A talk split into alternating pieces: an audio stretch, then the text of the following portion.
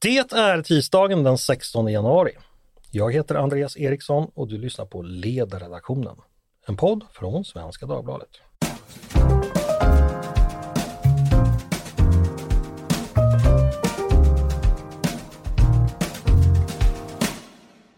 Varmt välkomna ska ni vara igen. Primärvalen inför det amerikanska presidentvalet i höst har dragit igång. Det har ni säkert inte missat.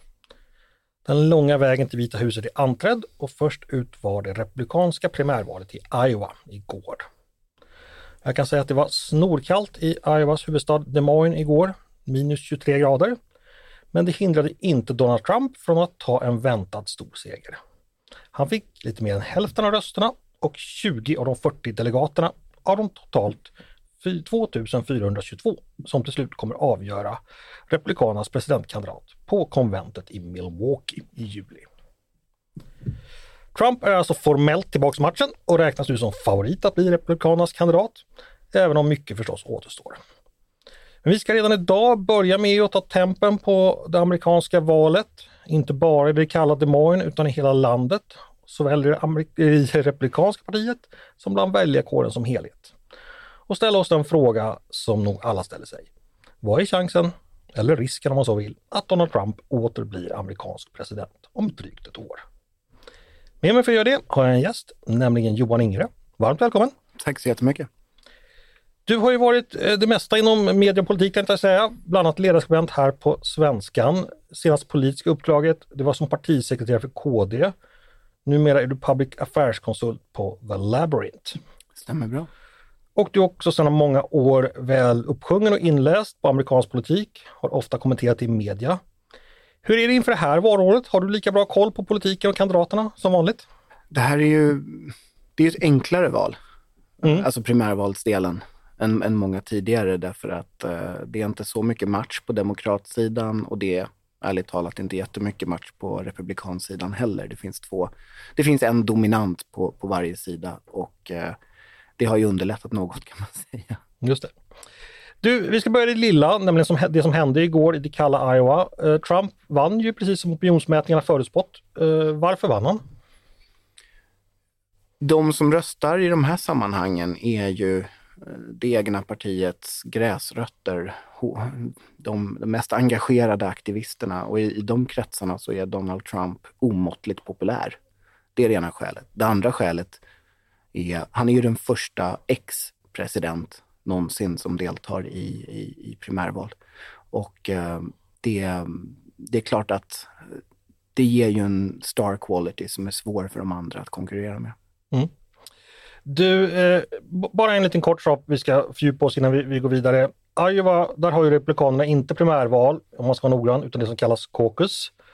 Vad är det och hur skiljer det sig? Eh, det här brukar vi lära oss vart fjärde år när det är val, men man hinner glömma bort det. Vad, är en caucus för någonting? Ja, det, det dröjde ett tag innan vi fick fram en bra svensk översättning, men jag brukar säga nomineringsmöten. Eh, primärval, de funkar ju som alla andra val. Eh, vallokalen är öppen en viss tid. Eh, du går dit på en tid som passar dig, lägger en lapp i en låda och går hem. Nomineringsmöten som man har i Iowa och flera andra delstater, det annorlunda. Jag vet, ja, man kanske ska tänka att man är liksom ett större årsmöte. Mm. En, en, en, stor bostadsrättsförening eller en stor hem och skola-förening eller någonting åt det hållet. Ett sånt möte, det är bara det att du har, eh, ja nu kommer jag inte ihåg den exakta siffran, 11-1200 sådana möten i Iowa som pågår samtidigt. Så mm. att du går till den kakeslokal som är närmast dig och där är det, precis som på, på årsmöten, så är det lite mötesformalia, procedurfrågor som man kan bråka om om man känner för det. Och, och sen så eh, röstar det här mötet, man liksom fördelar sig. Man ställer sig på olika delar i lokalen beroende på vilken kandidat man vill stödja. Och sen räknas helheten ihop. Och mm. helheten är, är, är valresultatet. Har du varit på någon sån här caucus någon gång? Nej, jag har varit i New Hampshire men jag har inte varit i Iowa. Mm. Eh, då, då, har vi det klart för oss. Eh, hur viktig var den här segern för Trump? Psykologiskt så, så är det väl precis, du satte fingret på det. Han är formellt på banan nu. Han kunde hålla ett segertal, det har han inte kunnat göra på ett ganska bra tag. Han visar att han är med i matchen trots allting som har hänt. Eh, opinionssiffror har ju talat för det, men, men det är klart att det är skönt att få det på pappret. Eh, sen i praktiken betyder det inte så himla mycket. Han ligger så högt över konkurrenterna i mätningarna ändå, så att eh, ja, det, det, det, är ingen jättegrej egentligen. Mm. Ja, då inställer sig frågan, är det någon annan av de republikanska kandidaterna som har en chans tror du? Nej, det ska eh, extremt mycket till. Mm. Uh, jag, jag, jag, skulle inte lägga ett öre på aktier om någon av de andra kampanjerna var företag. Han är, han är liksom väldigt unik på det sättet att han är den enda politiker, definitivt i modern tid och egentligen historiskt också, som har skapat sig en egen folkrörelse som sen dominerar ett parti. Det här är ju inte en person som har varit republikan hela livet, utan han började som demokrat och sen i slutet på 80-talet så blev han republikan och runt millennieskiftet så tyckte han att båda partierna var rätt dåliga så att då var han inne lite och fipplade med det här uh, Reform Party som var ett uppstickargäng som, som uh, ja, inte liksom på 90-talet så, så gjorde de visst avtryck, men, men vid millennieskiftet var de borta, så han släppte det. Och sen så var han anti-Irakkriget och stödde Demokraterna av det skälet. Och sen tyckte han fruktansvärt illa om Obama och blev republikan. Alltså, det här är ingen ideolog. Mm. Utan han har gått in i Republikanerna, gjort en slags hostile takeover om man ska prata företagsspråk. Och byggt en egen rörelse. Mm. Vi ska återgå till Trump. Vi ska ändå nämna de andra kandidaterna. I just Iowa så var det tre andra kandidater som ställde upp. Ron DeSantis, guvernören från Florida, som ja, ni känner ju säkert väl till honom. Nikki Haley, guvernör hon också från South Carolina. Och så Vivek eh, Ramaswamy. Ramaswamy. Han har hoppat av nu så han är mm. kanske inte intressant. Men de här två förstnämnda, eh, var det här resultatet i Iowa en besvikelse för dem? Var det någon av dem som hade tänkt att det skulle gå lite bättre? Ja, i viss mån en besvikelse för båda. De har lite olika strategier nu hur de ska, eller hade från början också egentligen, där, där Ron DeSantis investerade tungt i Iowa. Nu kom han tvåa för all del, även mm. om det var, men långt med, efter. med en noslängd, men ändå liksom långt, långt, långt, långt efter. 30 procentenheten och sånt efter Trump. Och Haley har inte satsat lika hårt på Iowa som hon har gjort på New Hampshire, men hon uh, har haft en uppåtvind sista månaden som hon kanske hoppades hade gett henne en andra placering. För hade, hade DeSantis inte kommit tvåa i Iowa så hade det varit svårt för honom att motivera vidare kampanjande och då hade enligt Haleys planer då, då hade det varit hon och alla som är emot Trump eh, ensam mot Trump. Mm. Men eh, du säger att DeSantis satsar mycket på Iowa. Det vet vi, det har varit väldigt mycket pengar har lagts där och det har knackats väldigt mycket dörr. Såg han någon sorts så att säga, nyckel till seger att kanske överraska Iowa och då ändra logiken för hela det som följer? Alltså, mm. så att säga, var det det som var planen så att säga? Precis. Som nu inte levererade? Precis, om han hade kunnat skaka om Trump i Iowa så hade, då tänkte han sig att det skulle ge då momentum, fartvind inför det som komma skall. Just det. Eh, en fråga bara, historien, jag kollar ju den. Eh, Iowa har ju faktiskt inte historiskt varit nyckeln till den republikanska nomineringen. 2016 vann Ted Cruz. Han blev ju inte kandidat som bekant. 2012 vann Rick Santorum, inte han heller. Och Mike Huckabee vann 2008. Mm. Eh, ja, historien är ju historia. Ska man bry sig om sånt där eller vad, vad, tänker du om det? Jag tycker ju själv att Iowa är, är lite överskattat. Det får enormt mycket uppmärksamhet därför att det är först ut. Men titta, alltså Iowas uh, nomineringsmöten slog igenom 1976. Och då var ju Jimmy Carter den som kom från ingenstans och vann Demokraternas nomineringsmöten och det bar honom sen hela vägen till Vita huset. Um, men, men efter honom, och, och det där har blivit en slags mytbildning i amerikansk politik, att det, Iowa kan det komma slå sönder um, storfavoriterna och sen gå hela vägen. Och, och, det var ju sant 1976. Men, men dels var Jimmy Carter en väldigt speciell kandidat och dels var det en väldigt speciell period i USA. Så att eh, i praktiken har det aldrig funkat så här efter Jimmy Carter. De enda presidenter som har vunnit Iowa, som jag, det, det är Carter, det är eh, andra president Bush och det är Obama. Mm. Men alla andra presidenter under de senaste 45 åren har inte vunnit Iowa. Eh, om vi håller oss kvar vid Republikanerna, eh, rent sakpolitiskt, vad har man diskuterat inför primärkampanjen? Vad, vad står de olika kandidaterna för där? De är inte väsensskilda, definitivt inte vad inrikespolitik beträffar. Eh, de profilerar sig lite olika i kulturkriget. Där har ju DeSantis försökt uttrampa Trump med sina strider med Disney hemma i Florida och mycket annat. Och, ja, det är väl aldrig en särskilt god idé att försöka uttrumpa Trump. Mm. Eh, Men eh, Nikki Haley har inte spelat så himla mycket på det där. Hon har då också fått en hel del kritik från de andra kandidaterna och från eh, olika eh, högermedier om att hon till exempel inte är tillräckligt mot eh, könsbyten och sådana saker. Mm.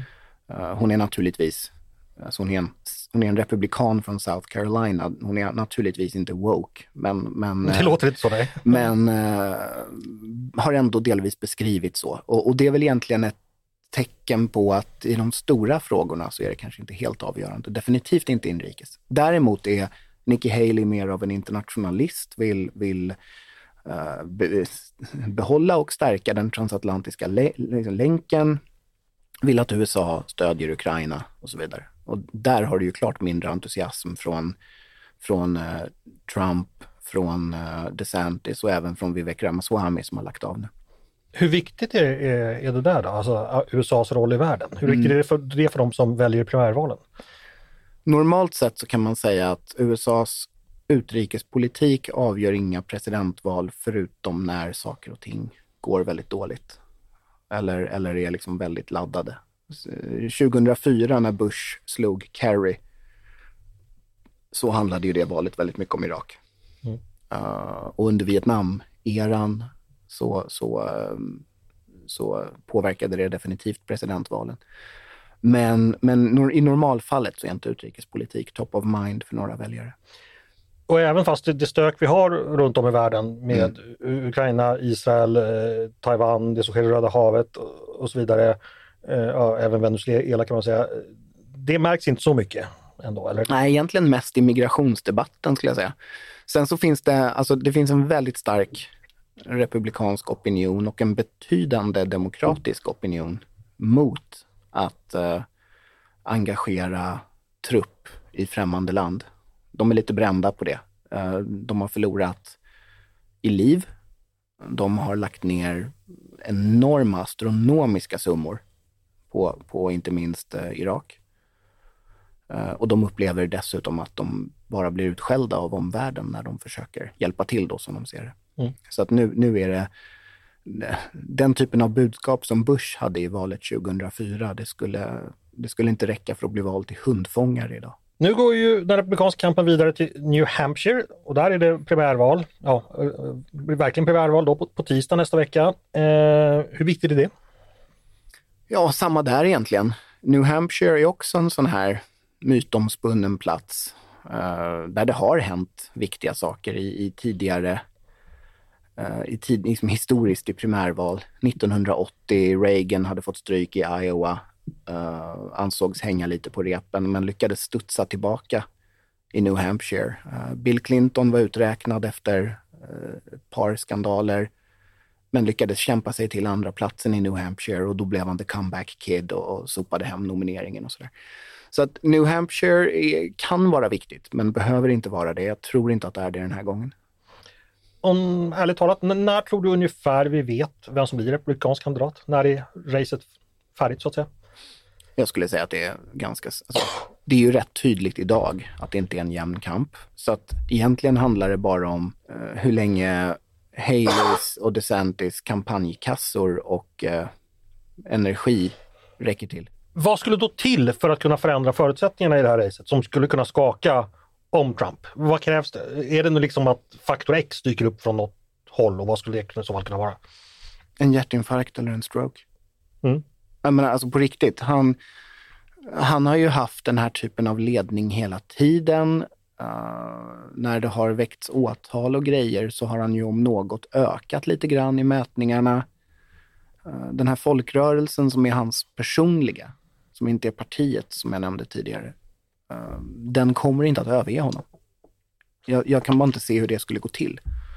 Så, men, men han är en, han är en 77-åring som tycks vara upprörd ganska ofta, sover fyra timmar om dygnet och har en rejäl kalaskula. Så det är klart att en hälsogrej kan stoppa honom. Men hittills, när man tittar på hans möten och de intervjuer han har gjort, så han verkar ju inte ha åldrats nämnvärt sen förra valrörelsen.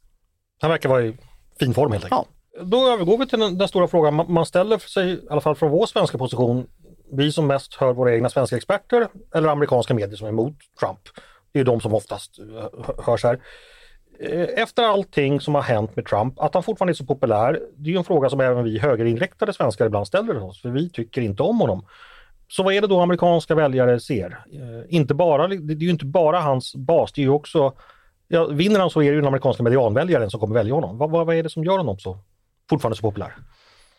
Uh, lite olika, alltså, du, du har ju en ganska stor grupp som kommer att rösta republikanskt i stort sett vem, vem som än är kandidaten. Eh, därför att man vill inte ha demokraterna. Så att då handlar det ganska mycket om antipati mot den andra sidan och den sidans politik. Men det som hans, eh, det som hans liksom lite mer varma anhängare uppskattar, det är att de tycker att han säger som det är, att han har slaktat heliga kor. Han har um, Alltså till exempel, det är han som, det, var, det är han som har gjort slut på neokonservatismen inom Republikanerna, alltså den här idén att USA ska vara en kraft för, för eh, demokratiutveckling och demokratifrämjande eller till och med framtvingande i andra länder vid behov.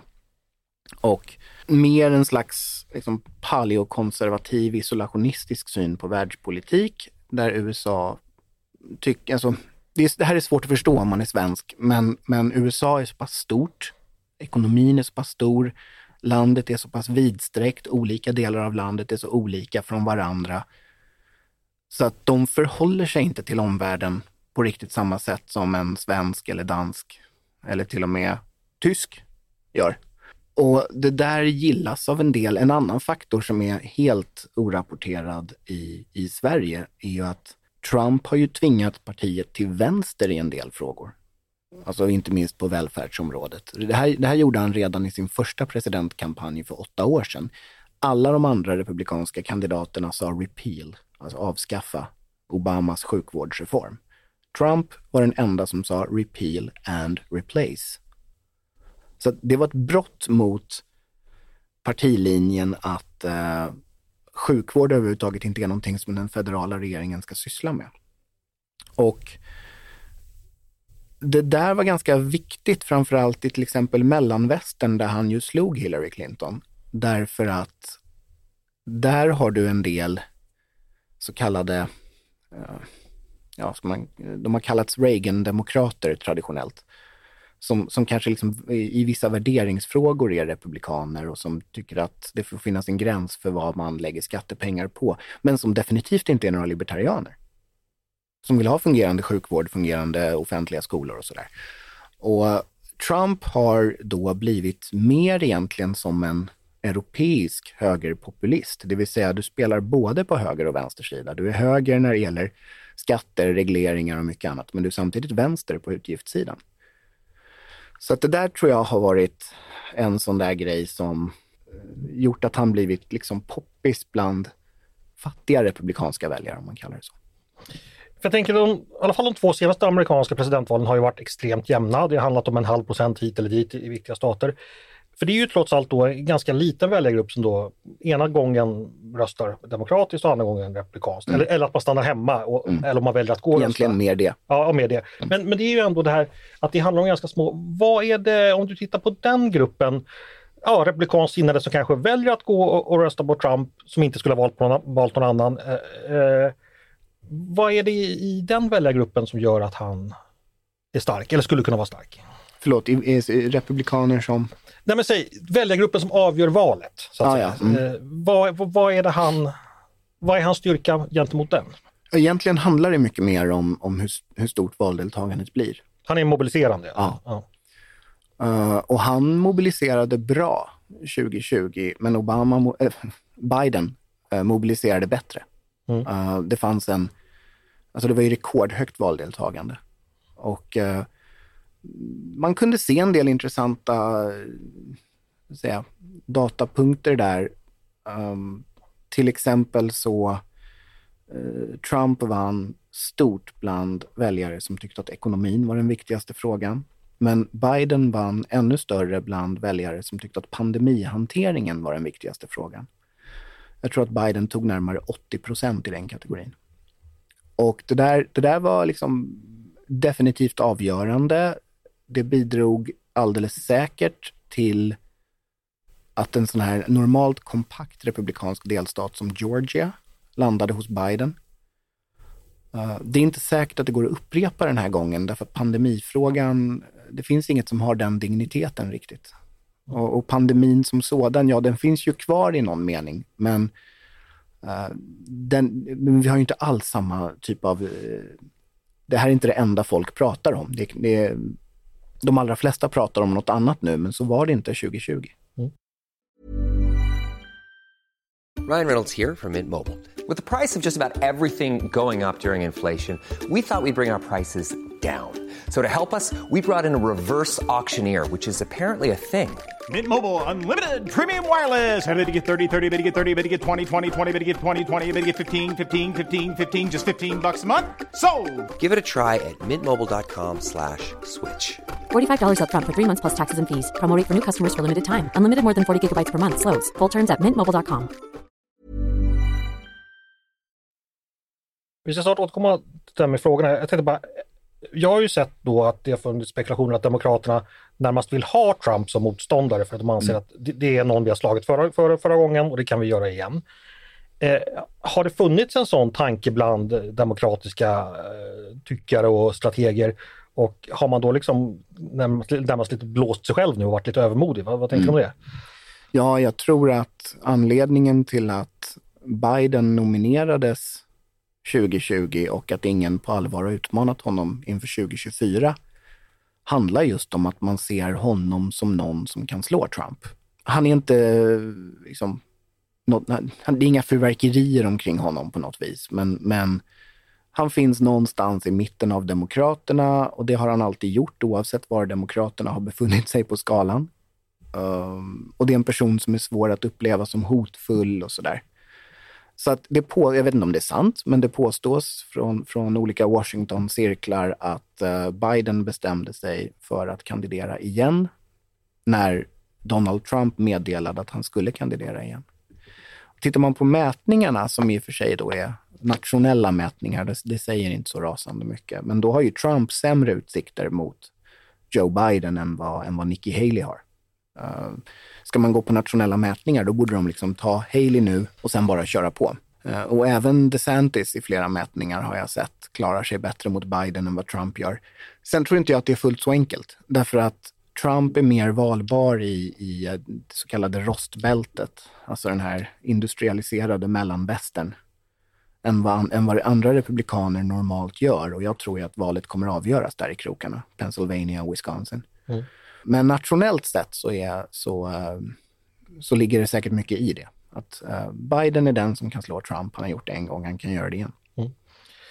Alla juridiska processer som har pågått kring, kring eh, Donald Trump, det har varit många, men just nu är det det här med, med om han överhuvudtaget anses lagligt ha rätt att ställa upp i valet i, i några delstater. Hur påverkar det politiken?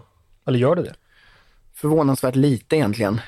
Uh, Trumps egen bas har ju inte brytt sig nämnvärt. Vi har heller inte sett, i, i alla fall inte i nationella mätningar, att det här har någon större effekt. Och jag tror väl att det här är lite grejen med Trump. Han har betett sig på ja, det sätt han beter sig på under, under så pass många år att det är egentligen svårt för någon att bli överraskad. Han har löpt linan ut kan man säga och, och uh, har hamnat i en situation där han lite grann kan skriva sina egna regler. Och sen har det här un underlättats därför att demokrater, uh, domstolar med demokrater i domstolarna och uh, även en hel del medier har, har ganska uppenbart särbehandlat Trump negativt. Så att när man då kan hitta övertramp från andra sidan. Då kan man intala sig själv att jo, men Trump är okej trots de här åtalen, för den andra sidan är lika genomrutten. Mm. Gäller samma logik när det, man tänker 6 januari, stormningen av Kapitolium och det som har följt efter det, eller hur, hur har det påverkat? Ja, alltså det har, egentligen har det väl mest påverkat republikanska politiker. Det var ju ganska många av dem som ändå hade hållit någon slags arbetsfred med Trump som tog avstånd från honom efter 6 januari. Mm. Uh, Mitch McConnell, ledaren i, i senaten och en otroligt mäktig figur, uh, är ett exempel. Men det, men det finns många fler. Uh, och även Nikki Haley och Anna. Hon, hon, var ändå hans Washington, eller förlåt, hon var hans FN-ambassadör och har samarbetat med, väl med honom. Men, men hon var ändå hon har ju ändå kritiserat honom ganska hårt för hur han hanterade 6 januari. Mm. Men väljarna, bryr sig de? Det verkar inte så riktigt än i alla fall. Sen är det ju möjligt att det här kanske spelar större roll när man kommer närmare valet. Just nu så är det, alla ser rapporteringen om kandidaterna, om primärvalen, om vad Trump har sagt i någon intervju och sådär.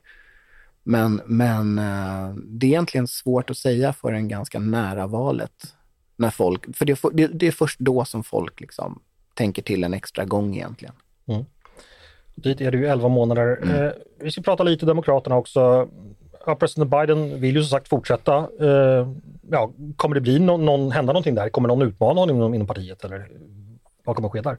Han har ju ett par utmanare som får ses som väldigt lågoktaniga. Uh, och ingen av dem gör några som helst avtryck och Demokraterna har dessutom meddelat att det blir inga debatter. Man flyttade Iowa, um, så att de har inte haft några nomineringsmöten där nu. Normalt så har ju Demokraterna och Republikanerna sina Iowa-möten samtidigt, men inte nu. Mm. Och eh, sen finns det väl liksom, även här så finns det en hälsoaspekt. Biden, Biden har åldrats väldigt märkbart sen han valdes eh, 2020 och redan då gav han ett väldigt gammalt intryck. Så att han är, han är helt uppenbart eh, inte i gott skick. Men... Biden är, eh, han fyller ju 82 i år ja. och skulle då vara president fram till han var 86 blir det då. Ja. Mm.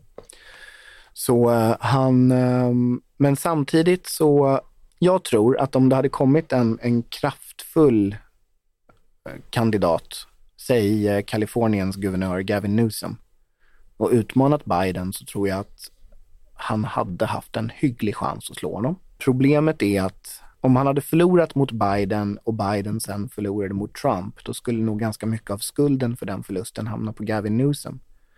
Och, och om han hade vunnit i primärvalen över Biden och sen själv faller mot Trump, ja, då hade han varit historia helt enkelt. Så att han, han är ute och kampanjar, men, men insisterar på att han inte bedriver någon egen presidentvalrörelse. Men det är helt uppenbart att han gör det. Han har till och med tagit tv-debatt mot Ron DeSantis. Så han, eh, han är ute och fiskar för att bli eh, Demokraternas kandidat om fyra år. Mm. Eh, Robert Kennedy fick vi höra lite om under ja, förra året då. Nu ska han gå till val som en tredje oberoende kandidat. Mm. Eh, påverkar han matchen på något sätt? Det kan han mycket väl göra. Återstår att se hur eh, tredje kandidater oftast gör de inte så stort avtryck. Eh, ibland har de gjort det. Um, Ross Perot 92-96 tog ju en rätt stor andel av, av, väljarna och han var så, som var så pass stor i mätningen att han faktiskt fick vara med i presidentdebatterna. Uh, 92 då med Clinton och Bush. Däremot fick han inte vara med 96, men, men han var med 92. Och statsvetarna och statistikerna bråkar fortfarande om vem som tjänade på detta, så att säga. Men, men sen så finns det ju exempel uh, där, där betydligt svagare kandidater ändå har påverkat. Mm. Till exempel Eh, så har både den gamle höger eh, paleokonservativa högerskribenten Pat Buchanan som gjorde flera försök att bli president. Han och eh, Ralph Nader, slags konsument och miljöaktivist som, som körde ett eget race 2000. Där fanns det en diskussion om huruvida framförallt Nader hade förstört för Al Gore. Mm. Så att Bobby Kennedy, den yngre, behöver inte vinna så vansinnigt mycket om det handlar om en väldigt jämn delstat. Däremot så är det även här lite oklart vem han skulle ta från. Alltså i, i flera frågor, miljöfrågor, konsumentfrågor, mycket sånt där, så är han ju en, en eh, demokrat.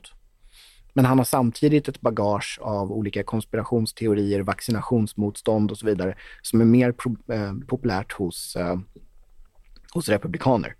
Men jag tror att den sortens republikanska väljare kommer inte gå till honom när Trump finns på valsedeln. Eh, de kanske hade gjort det om republikanerna skulle nominerat eh, Nikki Haley. Jag tänker på eh, Ronald Reagans kampanj 1984 då, då, de bad då väljarna att när man skulle ta sin röst då skulle man fundera på är, jag är, I better off than four years ago? Liksom, då, man tänker då. Och det är förstås någonting som väljarna tänker på. Man tänker på sin egen situation, sin egen ekonomi och sådär. Hur har de här fyra åren, ja nu har det ju bara gått drygt tre, men, men de här tre åren under Biden, hur har de varit för amerikanen? Tror du att amerikanerna tänker att man är bet- better off nu än tre, fyra år tillbaka? Nej, de allra flesta tycker inte det. Eh, och det är också vad de uppger i mätningarna. Eh, Joe Biden har ett negativt eh, popularitetsnetto, det vill säga det är fler som tycker att han har gjort ett dåligt jobb än ett bra. Sen hävdar ju Biden att han har varit en ekonomiskt sett oerhört framgångsrik president och så pekar han på att det har skapats fler jobb under honom än, än under någon annan president och så vidare. Och det är ju sant i, i viss utsträckning, men det är samtidigt så att eh, han tog över en ekonomi som var i praktiken nedstängd på grund av pandemin. Så väldigt många jobb, miljontals jobb försvann ju på grund av pandemin. Sen, sen eh, försvann det i högst största utsträckning då, så försvann ju pandemin, de jobben kom tillbaka. Så att han, jag tycker inte att man kan beskriva honom som en stor jobbskapare. Han har väl, han har, liksom, han hällde ut fantasipengar, dessutom lånade sådana, i en ekonomi som redan höll på att återhämta sig. Eh, så att han eldade ju på inflationen ganska duktigt. Nu är inflationen på väg ner, men, men eh, priserna har inte följt med. Så att delvis påminner den amerikanska valrörelsen nu om den vi hade i Sverige 2022. Det handlade jättemycket om vad maten kostar, vad, vad soppan till bilen kostar, eh, vad det kostar att värma upp huset och sådana saker. Mm. Hur mycket kommer valet i höst handla om, om uttrycker mig så här, demokratin som sådan? Eh, Så framställs det ju ofta i, i svensk och europeisk press. Då ser vi ofta det demokratiska perspektivet, att det är, men det finns ju också från republikanerna, de ser ju också att demokratin och USAs själ står på spel. Hur viktigt blir det? Den, det där är hett bland, så att säga, true believers, aktivister i båda lägren. Eh, Båda med viss rätt. Demokrater pekar på uttalanden Trump gör om att en, ja, en president kan göra lite grann i, som han vill, så länge han inte ställs inför riksrätt av kongressen.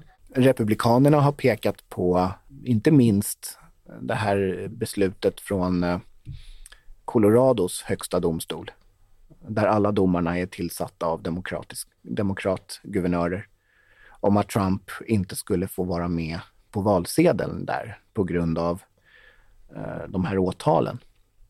Och det där senare, det är ju, det är ju helt, helt uppenbart barockt. Man hänvisar till rättsprocesser som inte är avslutade för att diskvalificera den ledande presidentkandidaten. Så att för båda, båda partierna upplever ju att det finns ett starkt demokratihot. Både Biden och Trump anklagar varandra för att hota amerikansk demokrati.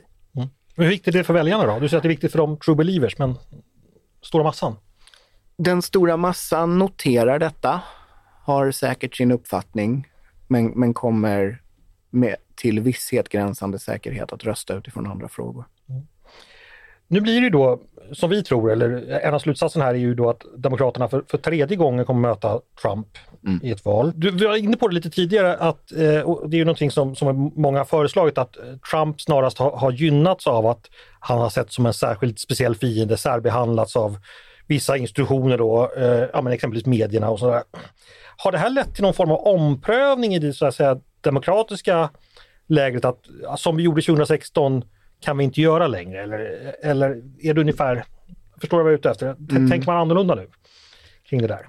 Inget som är liksom som när Bill Clinton gjorde upp med partivänstern för 30 år sedan. Eller som när Tony Blair, Tony Blair utropade New Labour, eller för den delen när Fredrik Reinfeldt utropade de nya Moderaterna. Någon sån tydlig grej finns inte. Däremot så, så kan man se att Politiker är överlag lite mindre entusiastiska när det gäller att haka på eh, saker som eh, Black Lives Matter och vissa av de här transfrågorna och så vidare. Inte så att man kanske har, ingen har gått ut och sagt att jag har ändrat mig, utan det är bara att man lägger inte betoningen där på samma sätt längre. Men, men, det, men det handlar om ganska små nyansskillnader skulle jag säga. Mm. Då ska vi ta och, och sy ihop det här. Eh, ja, avslutande fråga, vill du ge oss någon prognos? Hur kommer det här gå? Blir Trump eh, USAs president igen om ett år ungefär? Mm. Jag skulle säga i nuläget så är det 50-50. Om man tittar på situationen i de olika delstaterna, jag tror att de, Trump kan ta tillbaka de flesta av de här delstaterna som lite mer oväntat gick till Joe Biden.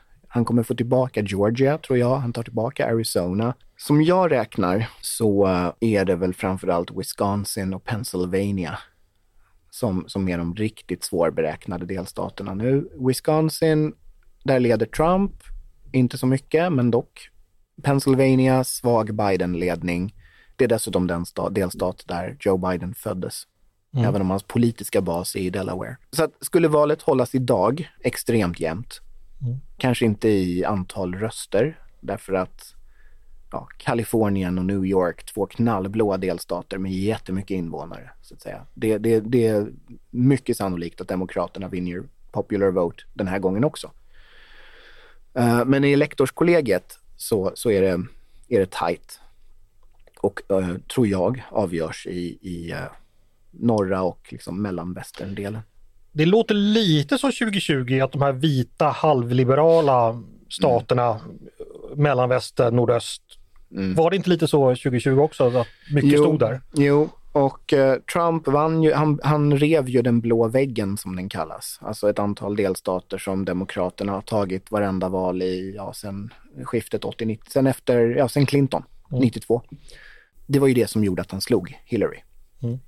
Och sen tappade han eh, mycket av detta. Ohio och Florida verkar inte längre vara swing states, utan de verkar vara mer kompakt republikanska nu. Men, men eh, Pennsylvania tappade han till Biden, liksom, eh, liksom Michigan och så. Så där, vi får se. Alltså jag tror ju att pandemin spelade en väldigt stor roll. Och då återstår det att se om det finns en sån fråga nu. Det andra var ju att Biden visserligen funnits med otroligt länge, men han var inte testad som president. Nu är han testad och majoriteten tycker inte att han gör ett bra jobb. Så att det, men å andra sidan, Trump är inte speciellt populär heller om man går utanför hans kärna.